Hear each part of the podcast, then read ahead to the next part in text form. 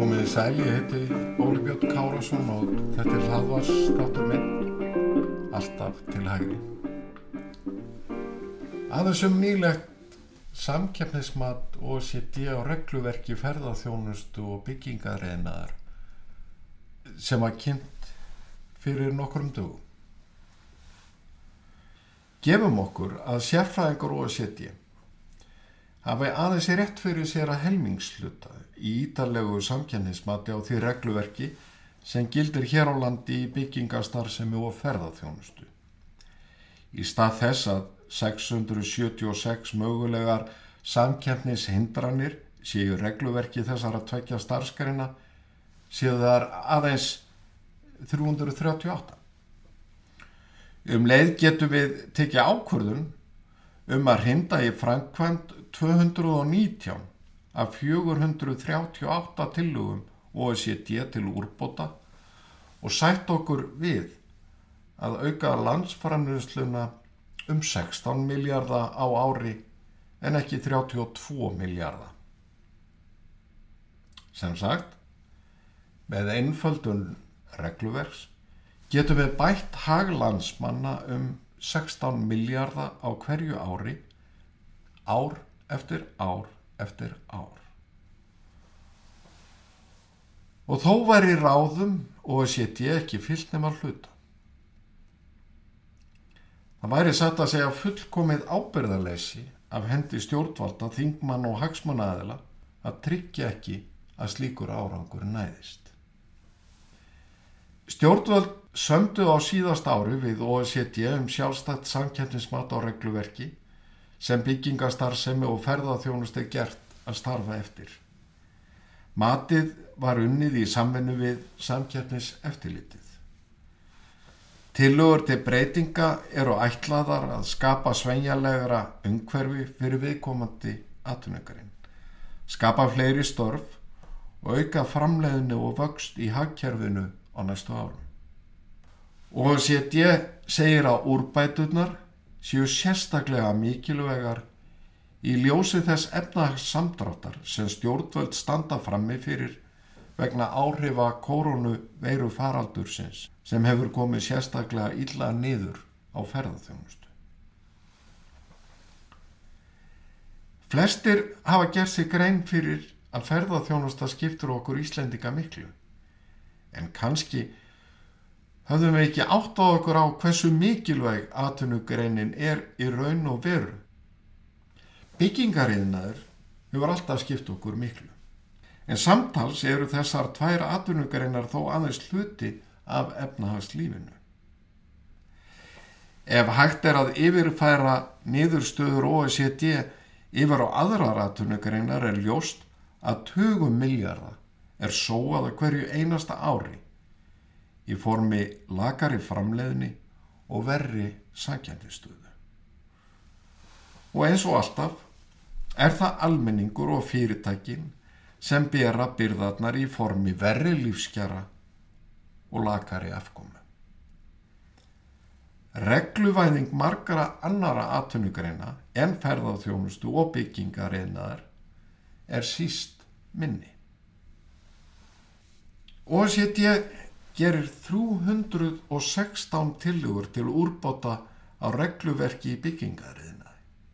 Þar má nefna í skipulagsmálum einfalda ákvarðanir í skipulagsmálum sveitafélaga, lækka gagnagerðagjöld og endur skoða reglur um útlötun lóða.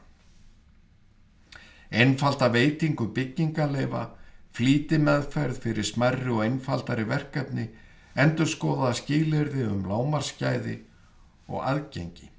Endur skoða í heil lög um löggildar starfskreinar, endur skoða kerfi meistarréttinda og gera það auðveldara fyrir yðnaðamenn að afla sér meistarréttinda, draga og regluverki fyrir smiði, rafverkja, pípara, byggingastjóra, löggilda hönnuði, fastegnasala, arkitekta og verkfræðinga. Í þessu sambandi er rétt að benda á að Þórdís Kolbrún Reykjörð Gilvardóttir nýsköpunar á þeirra hefur sagt að það verði ekkit áhlaupaverk að hrinda öllum tillögum og að setja í framkvæmt. Eðlilega muni ímsir sem hafa hagsmun að gæta veita slíkum breytingu viðná og engin ástæða sé til að hunsa slík sjónamið. Í skýslunni voru skoðaðar 229 mögulegar samkjætnishindranir í regluverki ferðarþjónustunnar. 229 og lagðar fram 121 tillega til úrbóta.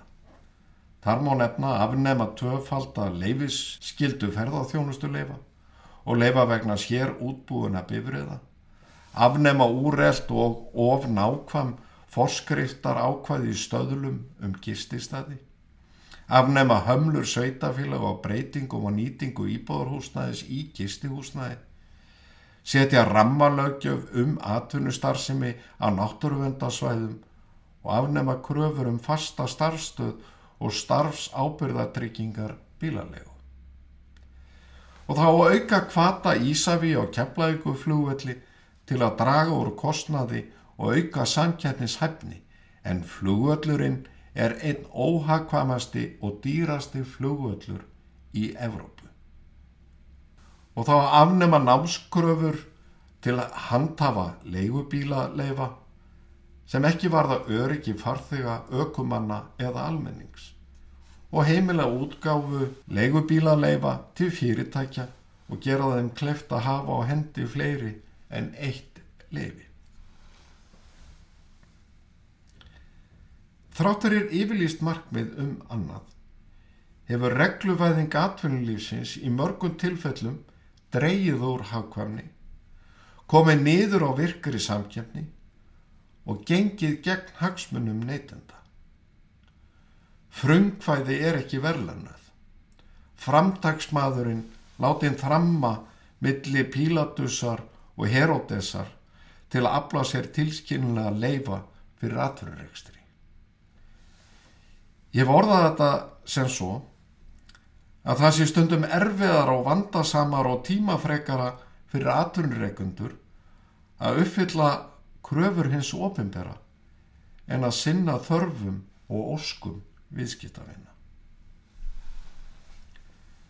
Forgánsverkefni stjórnvalda, það sem eftir lifi kjörtímabilsins og að minnstakosti allt næsta kjörtímabil, er að stöðlaðu uppbyggingu aðtunlífsins svo við náum aftur fyrir styrk og getum sótt fram. Verðmætasköpunin í fristihúsinu, í málsmiðunni, hjá rakarannum, á veitingahúsinu hjá tölvuleikja framleiðandanum, söðfjórbóndanum, byggingavertakanum, bifræðavirkjanum, stóðtækja framleiðandanum, trillukallinum, tónskaldinu, rítóundunum og annar staður í atunlífinu er undir staða velferða kervisins. Án verðmæta verður lítið til skiptana.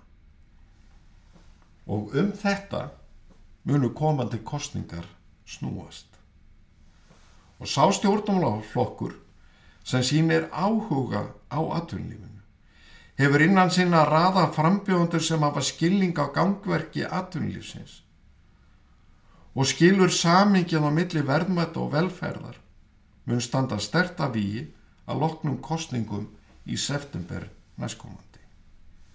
Skýr sín á það hvernig endur hann á markflókið regluverk Hvernig hægt er að gera það einfaldar að stunda atvinnuregstur, plæja frjóan jarðvig fyrir ný fyrirtæki sem leggja grunna bættum lífskjörunum og störfum framtíðarinnar, skilar árangri á kjördegi. Þórtís Kolbrún ráð þeirra, nýsköpunar og Bjarni Benditsson fjármálar á þeirra hafa þegar lagt trösta hjártsteina að framsókn atvinnulífsins með skattalegum kvötum til rannsóknar og þróunar og uppbyggingar nýsköpunar fyrirtækja. Úttækt OECD er góður leiðarvísir í þeim verkefnum sem eru framöndan þó sumt að því sem lagt er til kunna orka tvímælis.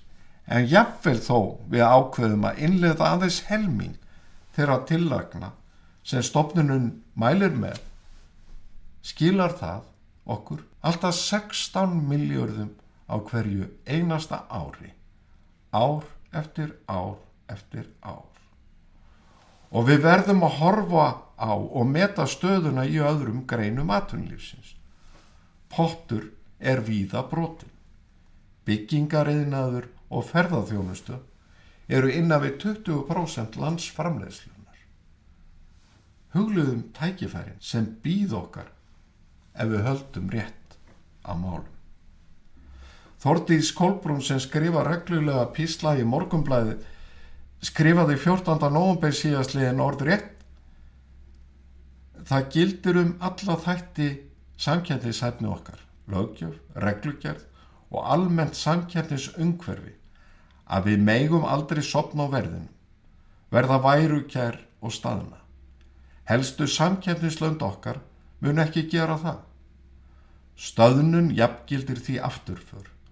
Við eigum í harðri alþjóðlegri samkeppnum fólk, um viðskiptatækifæri, um verðmætasköpun. Við höfum náð undraverðum árangur sem þjóð og með árvekni og réttum ákvörðun munum við gera það áfram. Tilvitnum líkur. Hún hafði áður í greininni bent á heið augljósa. Regluverk samfélagsins er farvegurinn sem á að tryggja að krafturinn sem býr í atata sem í mannsins nýtist sem best. Mikilvægt er að farvegurinn sé kvorki og þröngur nýja og víður. Lífskjör okkar velta beinilis á því. Það er gott að hafa þessi orð nýsköpuna ráð þeirra í huga. Ég þakka þeim sem hlýttu